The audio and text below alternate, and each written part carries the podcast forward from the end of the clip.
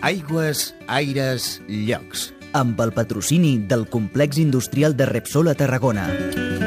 Amb Manel Sastre. Aquesta setmana coneixerem com una xarxa social com el WhatsApp pot ajudar a millorar el medi ambient. Una de les batalles és la lluita contra el tancament il·legal de camins rurals a Girona. Acabarem anant a Flix per saber com van els treballs de descontaminació del pantà que ja han arribat a la fase més delicada.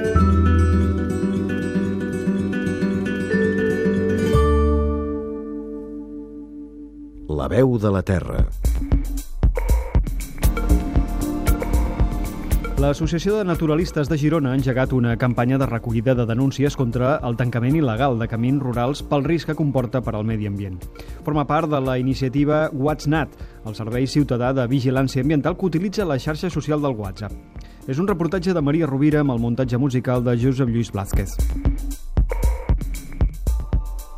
El WhatsNat, una eina que ajuda a preservar el medi ambient. Sergi Nus, membre de l'Associació Naturalistes de Girona. Un servei perquè la ciutadania pugui denunciar agressions ambientals, que es diu WhatsNat, és un servei de WhatsApp eh, en el número 615 694999 en què tothom pot aportar-nos informació d'agressions al territori, amb imatges, amb localització, amb descripció, etc.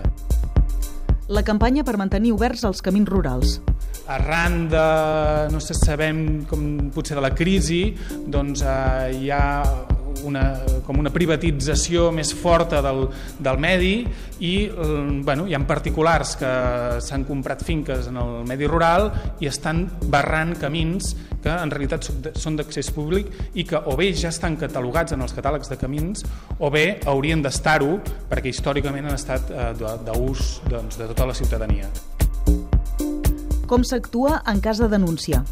Ens envien fotografies, ens envien una mica d'explicació d'on és i ara a través de voluntaris estem iniciant doncs, el que és l'anàlisi d'aquests camins i eh, de quin procediment de denúncia haurem de fer arribar a cada Consell Comarcal i a cada Ajuntament doncs, perquè bueno, facin valer la llei i si aquest camí és d'accés públic doncs, que eh, es torni a obrir el pas. Les repercussions del tancament d'aquests camins.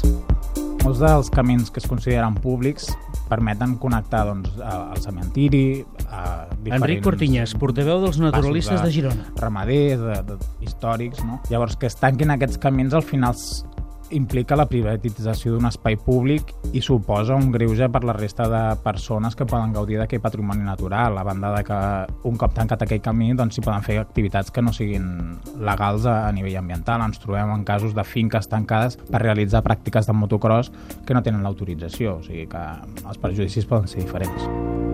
La resposta dels ciutadans.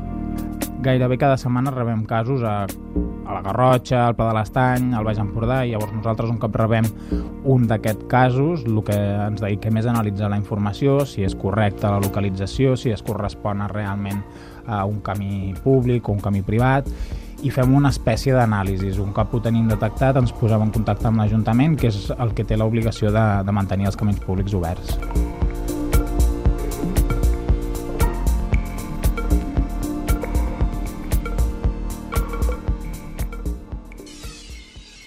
La veu de l'aigua.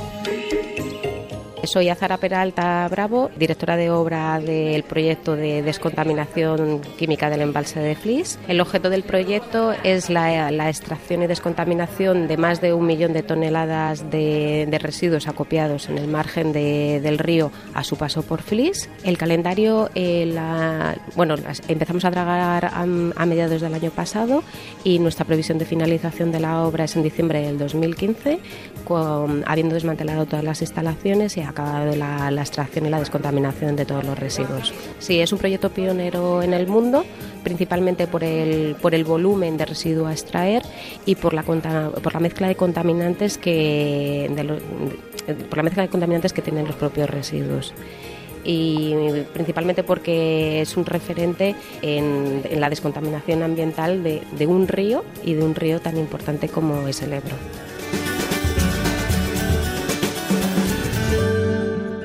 Aigües, aires, llocs.